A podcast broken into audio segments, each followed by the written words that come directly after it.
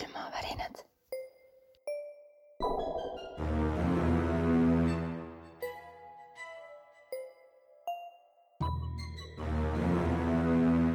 külmavärinad. tere, head külmavärinate kuulajad, mina olen Taki. ja mina olen, mis sa ütlesid, Heidi Heidi ja tere tulemast kuulama Külmavärinaid, teie absoluutset lemmiksaadet, mis on ka minu absoluutne lemmiksaade ja personaalsetest uudistest siis kõigepealt nii palju, et äh, ma olen tegemas Taxitit Postimehest, ehk siis ma lahkun äh, teistele jahimaadele, aga külmavärinaid äh, jään ma edasi tegema, olen saavutanud kokkuleppe Postimehe inimestega, et ma saan seda podcasti edasi teha küll aga me ilmselt hakkame seda tegema kord kahe nädala tagant. mis ajast täpselt hakkab see uus graafik, ilmselt see on nüüd oktoobri lõpus, novembri alguses, me vaatame mm. -hmm. ja võib-olla siis, et te ei oleks väga pettunud, natuke teeme saated pikemaks. igal juhul niisugused plaanid on. et külmavärinad kuhugi ei kao, kui te olete märganud mu kontodelt, et äh, muutused on käimas, siis loodetavasti see nüüd lohutab meie fänne. aga ma ostsin eile kasutatud peegli jaa, ja siis sa tegid sellest video ja siis sa saatsid selle mulle ja ma sain mingi seitse kreepsu järjest, sellepärast et nagu ma ostsin kasutatud peegli, aga ma ei puhastanud seda ära, vaatame, mis juhtub. ja, ja ma magasin väga sügavalt täna, et äh, ma isegi ei tea, mis mul öösel toimus, kui toimus. ma ei, ma ei tajunud sealt nagu halbu võnkeid, kusjuures ma tegin seda videot niimoodi, et ma alguses äh, tahtsin seda saata ühele Tiktoki nõiasõbrantsile ja siis ma tegin selle klipi ära ja siis laps hüüdis teisest toast, noh, teed Tiktoki või? ja siis ma sain aru, ah okei okay,, ma võin selle Tiktoki ka panna, nii et siis ma saatsin sulle, siis ma saatsin Lõid Ingridile ka ja siis ma panin Tiktoki, nii et kõik said sellest osa, kuidas ma eile ostsin äh, peegli aga eks ma siis hoian teid kursis, kui äh, midagi peaks toimuma. ma lisan siia, et mul on ka plaanis peegel osta, aga mitte kasutatud peegel, sest et ma ei riski lihtsalt sellega. ära riski,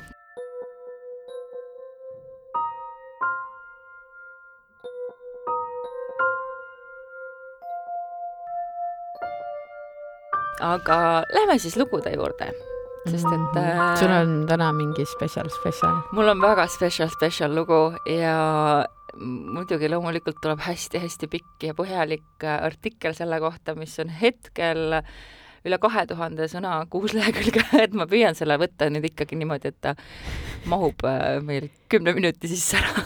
kuus lehekülge? jah. Äh, me kõik teame sellist inimest nagu Heimar Lenk, eks ole kes siis Lenki ei teaks? kes siis Lenki ei teaks? Lenk just teatas septembri keskel, et tema ikkagi ei kandideeri enam ja astus poliitikast tagasi ja viis aastat tagasi abiellus ta oma pikaaegse kallimaga Hellega ja Pealtnägija tegi temast saate, kus siis äh, ta ka jälle rõhutas seda, et äh, ja mitmed artiklidki on rõhutanud seda, et ikkagi paadunud poissmees paadunud poissmees Lenk. see on vale. ta ei ole olnud poissmees. Lenk oli kunagi abielus ühe naisega, kelle nimi oli Irina. ja sellest Irinas, Irinast ma tahangi teile täna rääkida. kahekümne üheksanda jaanuari hommikul tuhande üheksasaja üheksakümne viiendal aastal leidsid lapsed Männiku karjäärist põlenud Mercedes-Benzi. selles olid kolme inimese surnukehad, üks oli pagasnikus ja kaks olid seal, mis on siis salongis. politseil oli läinud väga kaua aega, et panna paika esialgne versioon sellest, mis juhtus. ja juba sama päeva õhtul eh, arreteeriti Heimar Lengi toonane abikaasa Irina. kuidas siis kõik toimus? ma arvasin, et tema oli seal autos et Heimar Lenk oli autos? ei, Irina, ei, ei. niisiis, toona tegutses Lillekülas suur kauplus, äh, mida haldas aktsiaselts Karmi ja selle Karmi omanike hulgas olid siis Irina ja kunagi nad alustasid koos seda äri koos härraga nimega Nikolai Neverdinov Neverdinov oli siis selline tüüp, kes Irina enda sõnul tuli ärisse niimoodi, et tal ei olnud nagu kapitali, kõik laenud, mis vaja olid äri püstiajamiseks, võttis Irina enda nimele, aga Nikolai ikka hirmsasti tahtis kaasa lüüa ja ta oli vist onutütre mees. Irina oli siis äh, öelnud, noh, tule siis sõbramehe poolest. ärme unustage, et see kõik see taust on, eks ole, et üheksakümnendad, hullud Mhm. üheksakümnendad mm -hmm. aga Nikolai oli võlgu ja, ja, ja siis hakkas seal kuidagi niimoodi olema, et, et need endised võlausaldajad hakkasid Nikolaid nagu pitsitama ja ainus koht, kuhu siis sai nagu nad suunata, oli see Lilleküla pood ja see siis nagu Ir- Irinale väga ei meeldinud. ja ta sundis siis Nikolaid kaheksandal augustil üheksakümmend neli kirjutama lahkumisavalduse ja nende ärid läksid lahku.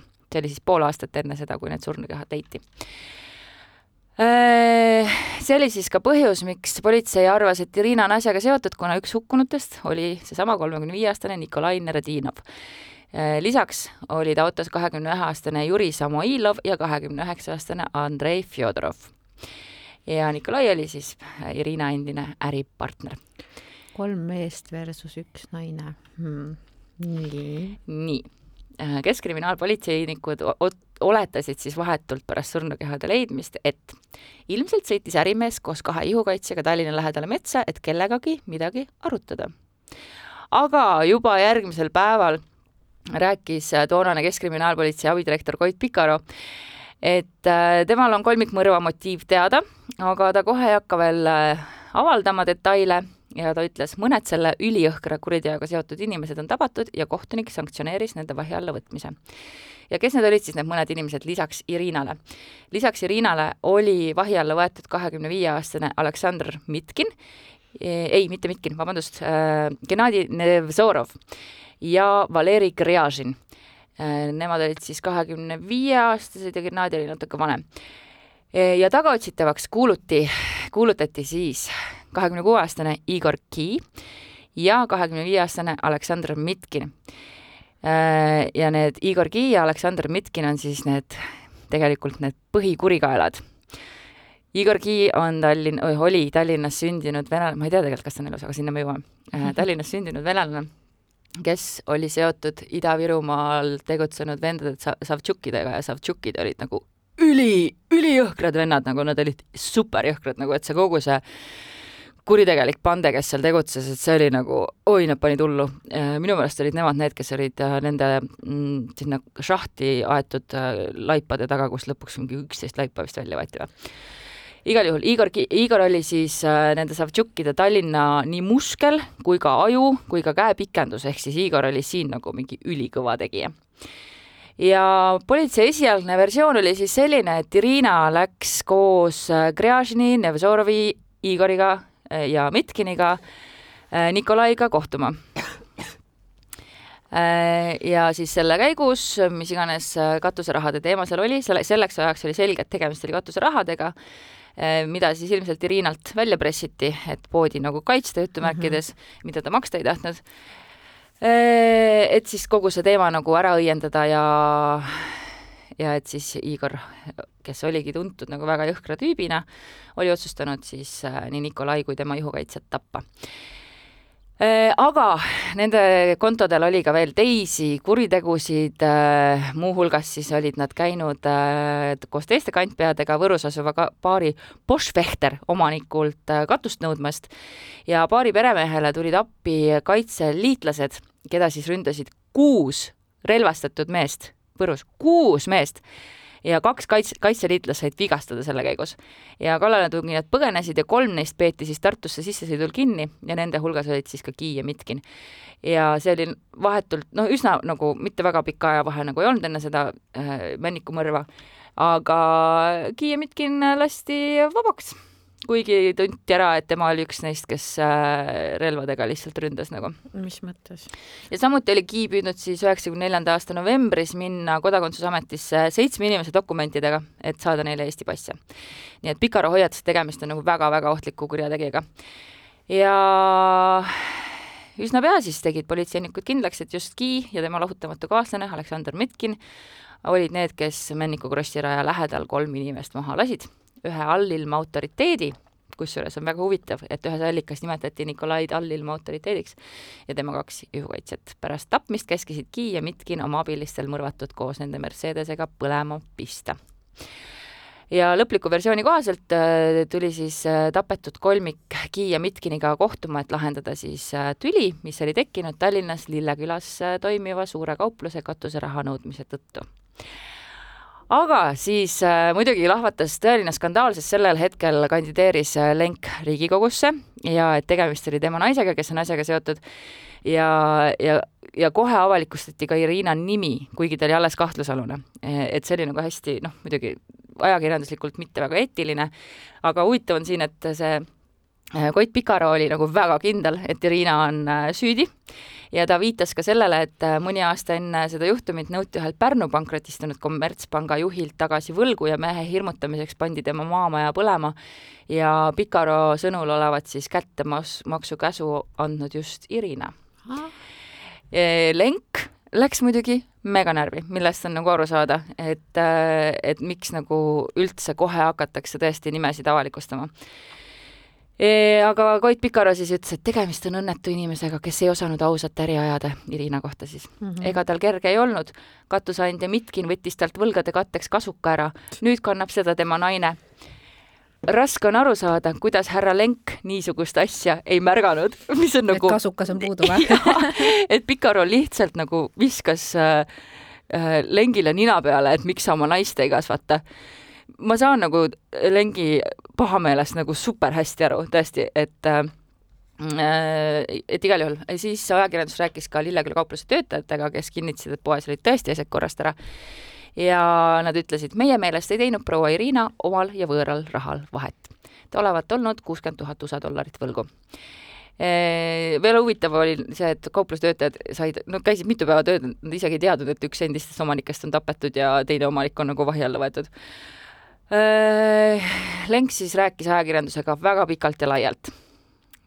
et ühesõnaga Lenk siis kinnitas, et, äh, et ükski politsei pole temaga veel rääkinud, tema oli üldse oma naist taga otsinud haiglatest, isegi surnukuuri helistanud ja, ja keegi ei olnud talle midagi öelnud, mis on tõesti nagu täiesti jabur. ja, ja siis ta veel pahandas, et jääb mulje, nagu oleks tema nende sündmustega seotud, aga teda pole isegi üle kuulatud ja Lenk siis andis alibi Irinale, ütles, et kuriteopäeval, mis oli siis kakskümmend kaheksa jaanuar, oli tema terve päev oma naisega koos, sest olid Heimari isa matused. mis on nagu täiesti uskumatu peatükk nagu selle mehe elust. terve päev kulus ettevalmistuste ja matuste peale, õhtul olid Nõmme restoranis peied, meenutas Heimar Lenk kõnealust päeva. muidugi ei olnud me hommikust saati iga minut teineteise läheduses, nii et naine oli tõesti vahepeal omaette ja siis räägiti veel lugusid, et äh, Lenk käis ise vahepeal omast taskust Lilleküla poe müüjatele palka maksmas, selle ta lükkas ümber. et äh, ütles, et tema on poes käinud ainult sellel määral, nagu iga teine abikaasa oleks käinud, vahepeal naisele vastas. ja lõpuks siis äh, istus paar kuud Irina kinni alguses viibis ta Lubja tänavas, kus ta veetis paar nädalat poolhämaras ja külmas ja raskes ruumis milles oli vaid puulavad, seal võin nii hulluks minna, kurtis ta hiljem, ja hiljem toimetati ta kaheks kuuks naistevanglasse, kus ta võeti vastu respektiga, levisid kuuldused, et see blond daam on maffiaga seotud. Mm.. seal ainult sõin, lugesin ja magasin, ütles Irina ajakirjanikele. ja aprilli alguses äh, või õigemini mais oli juba selge, et Irina on vabanenud ja äh, siis Nevzorovi üle toimus protsess juulikuus, kus Irina astus üles tunnistajana ja selleks ajaks olid kõik süüdistused tema vastu tagasi võetud, ju siis ei leitud tõendeid. ja et seda lugu siis lõpetada, siin on hästi palju muid detaile veel, mida ma praegu ei jõua ära rääkida, nii et lugege ise artiklist, aga äh, Irina siis rääkis nõnda. Äh,, süüdistuse järgi kõigepealt äh, süüdistati asja tähendab, süüdistus oli üles ehitatud nii, et Irina pidavat oma endise kaasomanikuga kohtuma. Neverdimov olevat temalt raha välja pressinud. Irina olevat rääkinud väljapressimisest oma kahele heale tuttavale, Gennadi Nevzorovile ja Aleksandr Mitkinile. ja Mitkin oli siis jätkuvalt veel tagaotsitav. ja mõlemalt siis palunud naine nõu, kuidas käituda mida teha. Mitkin oli siis Irina sõbranna vend, et nad olid kunagi televisioonis koos töötanud ja turvatunde loomiseks oli siis Irina palunud äh, Mitkinil tulla kahekümne kaheksandal jaanuaril Nõmme ristmikule, kus pidi siis äh, Nikolaiga kohtumine toimuma. Gennadi väitis kohtus, et tema sai sellest kohtumisest teada üldsegi Igor Ki kaudu, aga kuna Mitkin ja Ki olid nagu sukk ja saabas, siis äh, äh, niisiis, Irina sõitis kokkulepitud kohta, seda ta tunnistas ka ise. tema ütles, et tema nägi Nevzorovi autot aga teda ennast mitte samuti nägi ta seal kahekümne nelja aastast äh, Viktor, Valeri, Valeri Krjaževit. Irina ootis, ootas kakskümmend minutit ja sõitis siis oma mehe matustele. ja tapmisest ja põletamisest sai ta, mehe isamatustele, ja tapmisest ja põletamisest sai ta enda sõnul teada järgmisel päeval politseis hiljem ta natuke muutis oma ütlusi, ütles, et ta hilines viis minutit, Neverdinov seisis kino ees ja suitsetas. ütlesin talle tere ja rääkisin, et ma ei taha neid asju arutada, pidin kohe matustele minema ja teised tema kaaslased olid siis kuhugi ära sõitnud, lahkus veerand tunni pärast taksoga. ja siis äh, alles järgmisel päeval jällegi kuulis ta oma onutütre mehe Nikolai tapmisest. ja äh, ühesõnaga siis Irina lõplik versioon oli see, et ta tahtis minna Nikolaiga sinna Nõmme keskusesse kohtuma, et võtta kaasa dokumendid, et näidata, et Nikolail pole enam poest mingeid rahasid saada. aga see, et seal oli ikka see Gennadi äh, tema üldse nagu nägi autot, aga ta ei teadnud, et need kutid seal on ja et see kõik oli nagu nende isetegevus. tema pole mingit käsku andnud. ja ei suudeti, ei suudetudki seda tõestada. Genadit karistas siis äh, kohus kuriteo varjamise eest aasta ja kolme kuu pikkuse vabaduse kaot-, kaotusega poolkinnises äh, vanglas. kohtus leiti siis, et äh, Nevzorov aitas Kiil ja Mitkinil äh, surnukehasid siis auto pagasiruumi panna, kuid ei teatanud sellest politseisse ja mis siis sai Igor Kiist, Igor Ki, see kõige värvikam kuju meil siin, Ki põgenes Peterburi peaaegu kohe pärast seda, kui ta oli selle üheksakümne viienda aasta ühe jõhkraima veretöö kirja, kin-, toime pannud. ja ta suutis endale kiiresti seal uued kaaslased leida ja jätkas karjääri. Mitkini surnukeha leiti kahe tuhande teisel aastal Peterburis enesetapmise tunnustega Mm, mis on muidugi kahtlane. kummaline. ja giid peeti siis Eesti üheks ohtlikumaks tagaotsitavaks kurjategijaks, kes siis peeti kinni alles mais kaks tuhat kolm Peterburis ja kusjuures on veel Gi seostatud Venemaa tuumasaadiku Galina Starovoitova tapmisega. nii et Gi oli ikka väga laialt võttis ette, et mitte ainult siin äh, mingeid poetegelasi, vaid ka ikka tuumasaadikuid ja ühesõnaga, Gi, ma rääkisin eile Andres Anveltiga kes äh, mulle üldse selle vihje nagu andis seda asja uurida. ja Anvelt ütles, et äh, kunagi peeti kinni Venemaal ja tal olid seal nagu hullemad kuritööd, siis tõenäoliselt äh, ka mõisteti kohut tema üle seal ja ilmselt ta istub seal praegu kinni. aga ei tea. kui ta on elus veel. kui ta on elus veel. vot selline lugu, no ongi pool saadet täis räägitud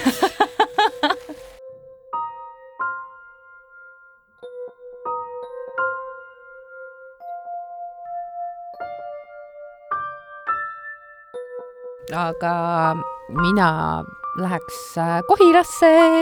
vana hea Kohila. ja, ja aastasse kolmkümmend kaheksa. see, seekord on mul täiesti vastupidi. seekord on risti. ja seal siis leiti ähm, ühel detsembrikuisel pühapäeva hommikul Tohisoo küla Sitika saunast, mis on nii nunnu mm, -hmm. surnult seal elutsenud saunaomanik Juhan Jurjev kui alul arvati, et vanake on surnud loomulikku surma, siis hiljem selgus, et tegemist on roimaga. asjast teatati kohe Tallinna Harju kriminaalkomissar, komissar Looverele, kes äh, siis viivitamata saatis ametnikud sündmuskohale ja nemad siis hakkasid asju selgitama. asja selgitajad, asjurid ja, ja siis juurdlusega tehti kindlaks, et vanake elas saunas küll üksinda äh,, aga tema tütrepoeg, kes suvel samas külas oli teeninud sulasena, tema siis äh, oli nagu ka enne seal elanud, aga tema sellel hetkel, kui toimus roim, viibis Tallinnas, kus ta oli endale ajutise töö otsa leidnud aga vahetevahel käis ta siiski oma vanaisal külas sest et äh, tema vanaisa ja vanaisa surnud abikaasa ehk tema vanaema olid need, kes äh, teda üles olid kasvatanud. ja Valentin Jurjev süütis Kohilasse siis vahetult ka enne mõrva. aga kuna Tohisoo koolimajas oli parajasti jõulupuu no., mis on nagu makski jutt, läks ta sinna Äh, ja siis jõudis äh, Sitika sauna alles kella ühe paiku öösel. ja jõudis kohale, koputas aknale, koputas uksele, koputa nüüd aga vanaisa ta sisse ei lasknud. ära tule, poiss! ei, üldse ei olnud tagajärgi, vaikus ära tule, poiss. ikka ma ei saa ikka teha neid heli. ei saa, ei saa. ja tema siis sellest järeldas, et teda pole kodus äh,, mille peale ta võttis akna eest ja ronis selle kaudu tuppa. mõistlik mm. -hmm. kes meist ei ole, kas sa tahad mulle öelda, et sa pole akna kaudu sisse roninud? jaa.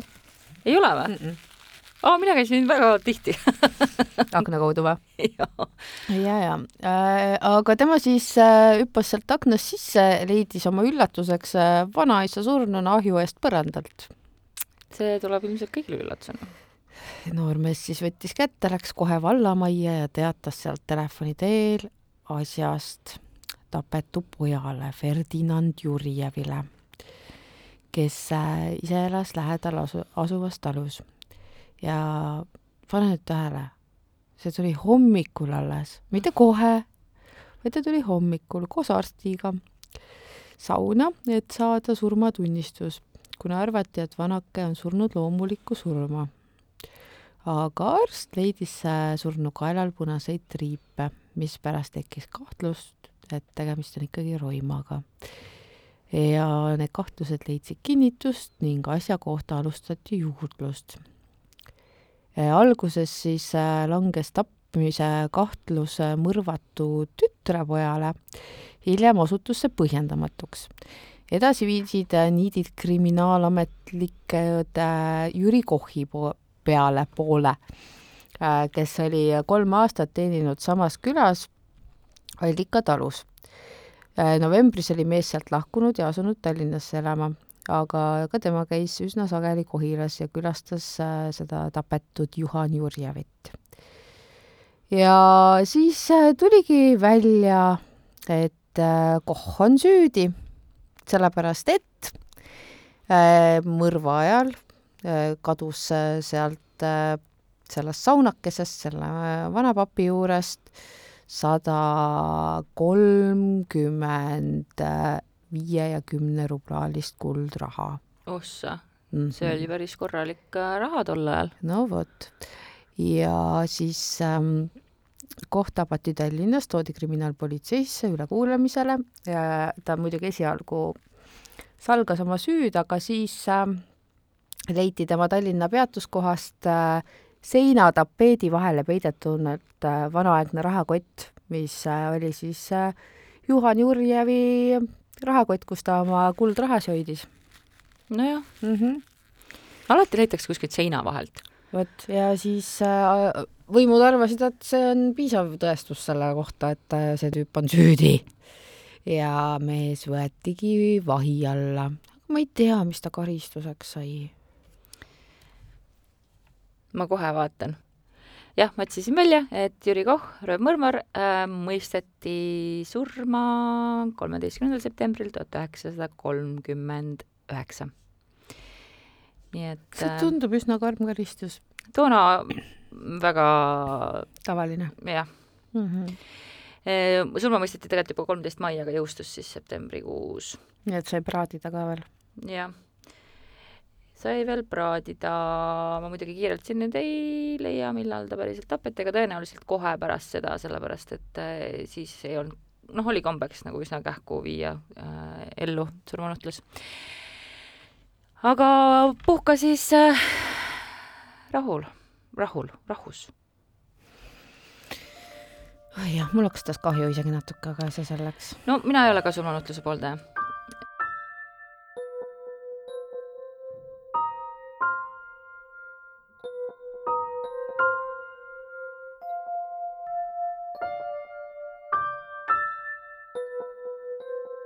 pikk sul see teine lookene on? umbes sama pikk. umbes sama pikk. ma siis äh, võtan äh,, mul on kolm kummituslookest nii. ja ma võtan nad siis kõik korraga, sest nad on niisugused lühikesed, aga nad on umbes samal teemal kõik. nii, kummitusi on vaja. ma isegi tahtsin teha eraldi saadet sellest äh, teemast, aga võtame siis praegu niimoodi, sest ma mõtlesin, pole ammu kummitusi teinud.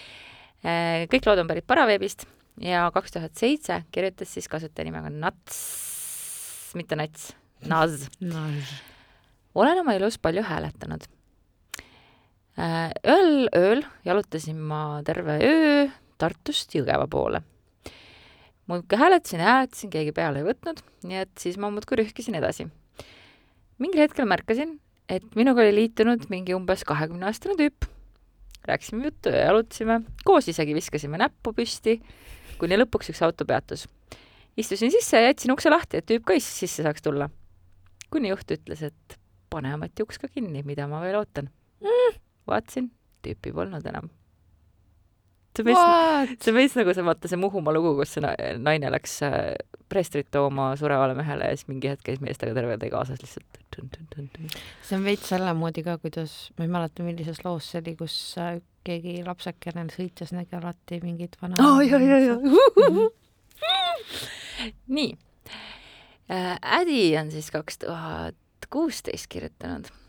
üks maanteevaimude jutt jõudis minuni mõne aasta eest Järvamaalt, aga selle puhul oli tegu üksiku juhtumiga, ehk rohkem teateid pole minuni jõudnud. lühidalt. ühel suvisel õhtupoolikul olid kaks noormeest teeäärse maja ees ning kuulsid ühel hetkel kabjaplaginat. kuna neil, neil endal olid ka hobused, liiguti tee peale vaatama. suveõhtuses udus möödus neist kaarik hobustega, kuid hobuste jalad lõppesid keha lähedalt rohkem seda ei nähtud, kuid samas majas esines hiljem ka lärmaka vaimuperiood, kus väidetavalt pillutati, pilluti laiali mööbliesemeid, lennutati koridoris väiksemat kasvu koera ning leidis mõistatusliku lõpu kass, kes oli avatud akna vahele surnuks muljutud mm. -hmm. see kõik toimus umbes viisteist, või noh, praeguseks siis umbes kakskümmend aastat tagasi. ja siis on kirjutanud kasutaja nimega Hirmutaja aastal kaks tuhat seitse minu lemmikloo sellest äh, lõimest. sõitsime autoga. Me nägime hääletajat ja kuna oli hilja ja pime, mõtlesime, et ah, mis ta ikka külmetab ja võtsime ta peale. ema istus ees ja mina ja õde olime taga. naine tuli peale, istus ja hakkasime sõitma. ema üritas vestlust alustada, aga naine vastas ainult vahel ja üldse oli väga napisõnaline. me sõitsime just Võrust Saaremaale. naine tahtis ka Saaremaale minna ja kui me praami, praami peal olime, siis see naine kadus ära, me otsisime teda ja me leidsime ta üles praami ülemiselt korruselt. ta seisis ääre juures. me läksime tema juurde, küsisime, et kas ta süüa tahab, et siin on ju kohvik. selle peale hakkas ta värisema ja järsku oli ta kadunud. ta kadus selle aja jooksul, kuni me kõndisime kohviku poole. jooksime tagasi, ma vaatasin merre ja ta oli seal meres. What? üks mees vaatas samal ajal alla ja siis küsis, et mida ma nii hirmunult vahin seal, seal pole ju midagi. Nii et ainult meie vist nägime teda, aga see pole võimalik, et see oli ettekujutus, sellepärast et me kõik kolm ei saa ju täpselt sama asja korraga näha. lihtsalt nagu see ei ole kõige pareminigi nagu kirja pandud lugu, aga lihtsalt kogu see nagu ettekujutus, et sa oled praamil ja sa näed, et keegi alla hüppab. sa näed teda seal vees veel ja keegi teine väga ei näe, ainult mõned inimesed vist on ju. ja ainult nemad nägid, kes olid ta toonud sinna mm. -hmm. Ma ei. no thank you. ei, ei. ma ei soovi, palun. praamidega on cancel nüüd. Täiega cancel kas ma võid saate lõpetada nüüd? võin või? jaa. mul on siin üks niisugune omamoodi mõrva business aastast kaks tuhat neli. kui oota korraks, sa saad uuesti äh, alustada seda, ma tegin kiire otsingu, et vaadata, kas praamilt on keegi hüpanud merre, mitte siis suurtelt laevadelt. ja ma leidsin aastast äh, üheksakümmend seitse sellise loo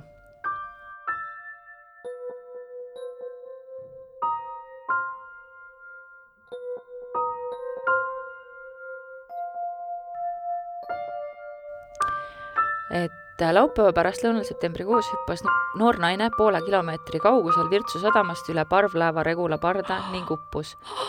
õnnetus juhtus kell viisteist kakskümmend. üks reisija kuulis karjatust, vaatas üle parda ja nägi vees ujuvat naist. Lihula poi-, politseijaoskonna konstaabel Marko Põld ütles, et naist vees märganud reisija on oma seletuses arvanud, et naine oli paanikas. pardalt visati naisele ka päästerõngas, kuid selleni naine ei jõudnud Regula kapten Jaak Kärm ütles, et kui temale teatati vette sattunud naisest, otsustas ta laeva tagasi pöörata. mõtle, kui kaua see praam ju keerab mm. -hmm. keerasime ringi, aga juba siis ei olnud naist enam veepinnal näha. kui ta oleks veidi kujunud, siis me oleksime ta välja toonud, aga teda lihtsalt ei olnud enam seal okay.. ja päästepaat ei leidnud enam midagi. surnukeha otsinguid jätkati ka eile, kuid pärastlõunaks polnud teda leitud esialgse versiooni kohaselt hüppas naine ise üle laevaparda. keegi otseselt pealt ei näinud, et ta vette hüppas, kuid et sel ajal rohkem inimesi polnud, oletame, et ta hüppas vette. laevast leiti käekott ja kilekott, milles leiduvate dokumentide järgi oletab politsei, et üle parda hüppas kolmekümne nelja aastane Kuressaarest pärit naine. mõtle, kui see oligi seesama, keda nad nägid. mõtlesin juba seda mõtet oh no, mul on täiega külmavärinad. okei okay,, sa saad uuesti alustada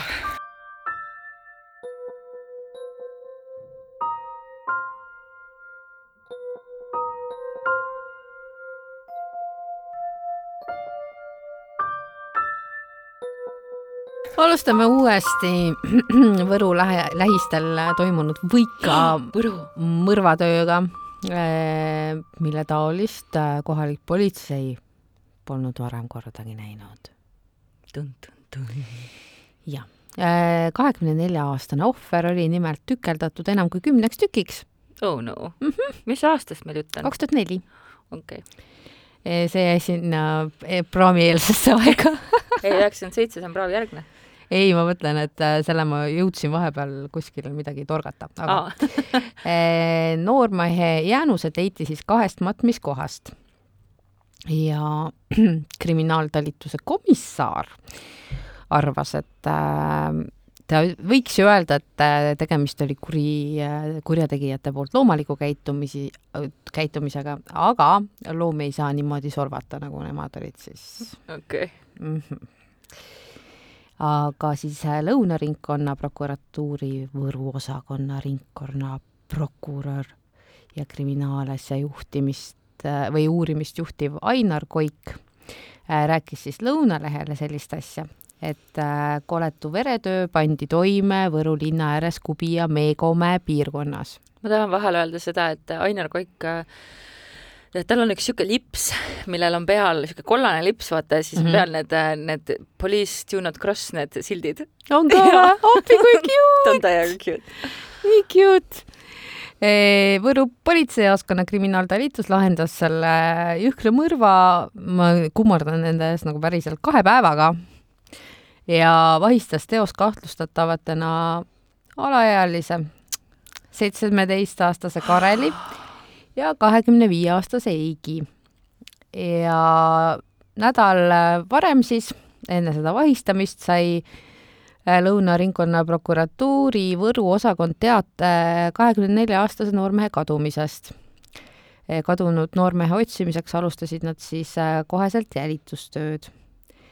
ja millegipärast jäädi nagu sündmuste osas, mis jäid siis selle kadumisteate ja surnukeha leidmise vahele, kuidagi väga selliseks napisõnaliseks mm,. okei okay. mm. -hmm.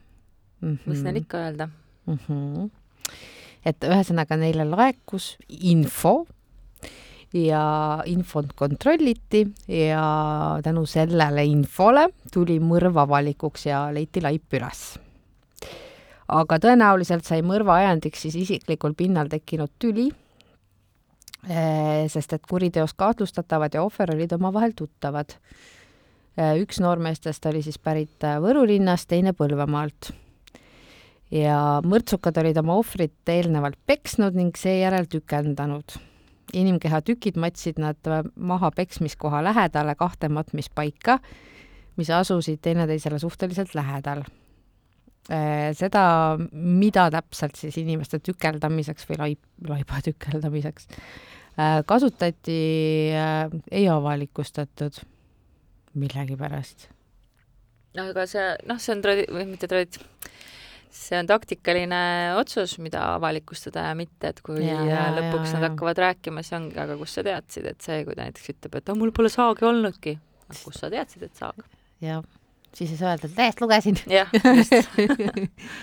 aga politseinikel kulus siis laiba väljakaevamiseks äh, paar tundi ja prokurör oli täiesti endast väljas, ütles, et see on ikka nii väga-väga-väga jõhker tapmine ja tema ei saa absoluutselt aru, et kuidas üldse on võimalik inimesi taolise teoni viia, et nad siis niimoodi teevad siukseid õudusi tore uudis veel oli see, et äh, selgus, et see alaealine Karel oli varem neljal korral karistatud, seitsmeteistaastaselt nagu, how. ja seda siis peamiselt varavastaste kuritegude eest orge poiss. mm. -hmm. ja ka see kahekümne viie aastane Eigi oli tuntud oma jõhkra käitumise poolest. Eigi on siis tütarlaps või? see on tütarlaps jah aa, ma mõtlesin, et Eik, Eik on noh, nagu, et vahistas Eigi, uh. -uh. et nimetav käen on Eik Uh uh. tütarlaps, tütarlaps, okei okay.. aga igal juhul äh, teda oli ka siis varem karistatud. ja sa oled kakskümmend viis ja sa mängid seitsmeteistaastasega. ma ei saa ka aru sellest ausalt. ma ei saa aru. aga politseinikud olid äärmiselt äh, šokis, sellepärast et äh, see väljakaevamistel avanenud vaatepilt oli nende jaoks täiesti šokeerinud, olenemata sellest, et nad on kriminaalpolitseinikena ju näinud nii mõndagi, Mm -hmm. aga äh, seda õudset pilti uuesti silme ette manades ütles siis äh, Anti Paap, kes oli siis see komissar, et äh, tema ei suutnud diilida sellega ja, ja kui ta seda kõike nägi, et siis ta mõtles lihtsalt selle peale, et appi, et mida selle noormehe lähedased võivad tunda Õudne. aga need äh, kaks, vabandust, aga üsna niisugust nõmedat inimest, see seitsmeteistaastane, kahekümne viie aastane, kes ideaalselt, ideaalses maailmas ei peaks üldse oma koos hängima, nagu sa ütlesid. ma arvan, et siin oli jah, kuidagi mängus äkki see, et äh, ta lihtsalt omas selle seitsmeteistaastase üle suurt mõjuvõimu. ja, ja, aga nemad äh, pandi vahi alla ja lauale visati siis äh, kuni kümneaastane vangistus. nojah, sest see on tapmine ja laiba rüvetamine ei ole nagu nii suure karistusena, et see on nagu lisakaristus. see on päris rõve ikka. No ma mõtlesingi, kui sa hakkasid rääkima siin äh, üksikasju, et nad on vabad juba tõenäoliselt. ei, päris kindlalt on vabad, sest Jah. et kakskümmend aastat istuvad ainult need, kes on eluaegsed. ja selliste inimestega me siis jagame ühiskondlikku ruumi mm. -hmm. mm -hmm, ja kauaks nad siis mõisteti? kümneks aastaks? kümneks.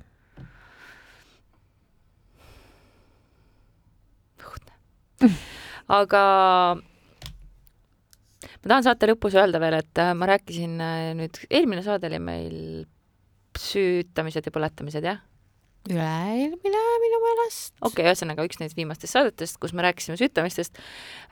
meil on üks äh, tore kuulaja, kes on äh, vabatahtlik äh, tuletõrjuja ja ma küsisin siis temalt, kuidas tänapäeval äh, on lugu süütamistega, kas äh, jäävad väga paljud avastamata, kui on süütamised, ta ütles, et ta isiklikult ei ole käinud ühelgi sellisel, aga statistikasse jõuavad süütamistena ka kusjuures kulupõlengud. Mm. nii et kui ongi näha nagu süütamist statistikas, mida oli eelmisel aastal kaheksa ainult, Mm -hmm. et siis on need enamasti olnud kulupõlengud, nii et kuritegelikke süütamisi on olnud viimase kümne aasta jooksul, ma vaatasin statistikast, ainult kaks.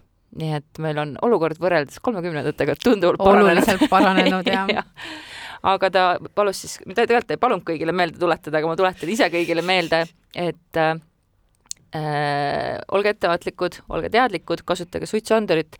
Ja eelmine aasta oli muideks äh, kõige parem aasta, mis üldse on olnud, hukkus kõige vähem inimesi ja oli üldse kõige vähem põlenguid, inimeste teadlikkus on kasvanud, nii et ja kõige rohkem ikkagi juhtub õnnetusi äh, kui suitsetatakse. voodis jäädakse magama Just. ja siis ongi tuksis kõik. nii et tehke, kui te peate tegema, tehke elektroonilist sigaretti. aga tervitused lendsalkadele, tervitused Heimar Lengile, mul on väga kahju, et ma võtsin selle teema ette, mida sa tõenäoliselt ei tahtnud, et ma võtaksin. aga see oli liiga põnev, et jätta kajastamata. ja ma ei oleks elu sees oodanud siukest asja. ja no hullud üheksakümnendad, keegi ei jäänud puutumata kohtume juba järgmisel nädalal, saame öelda küll, et praegu kohtume juba järgmisel nädalal. absoluutselt. teeme siis praegu tšau ja püsige kõhedad. külmavärinad.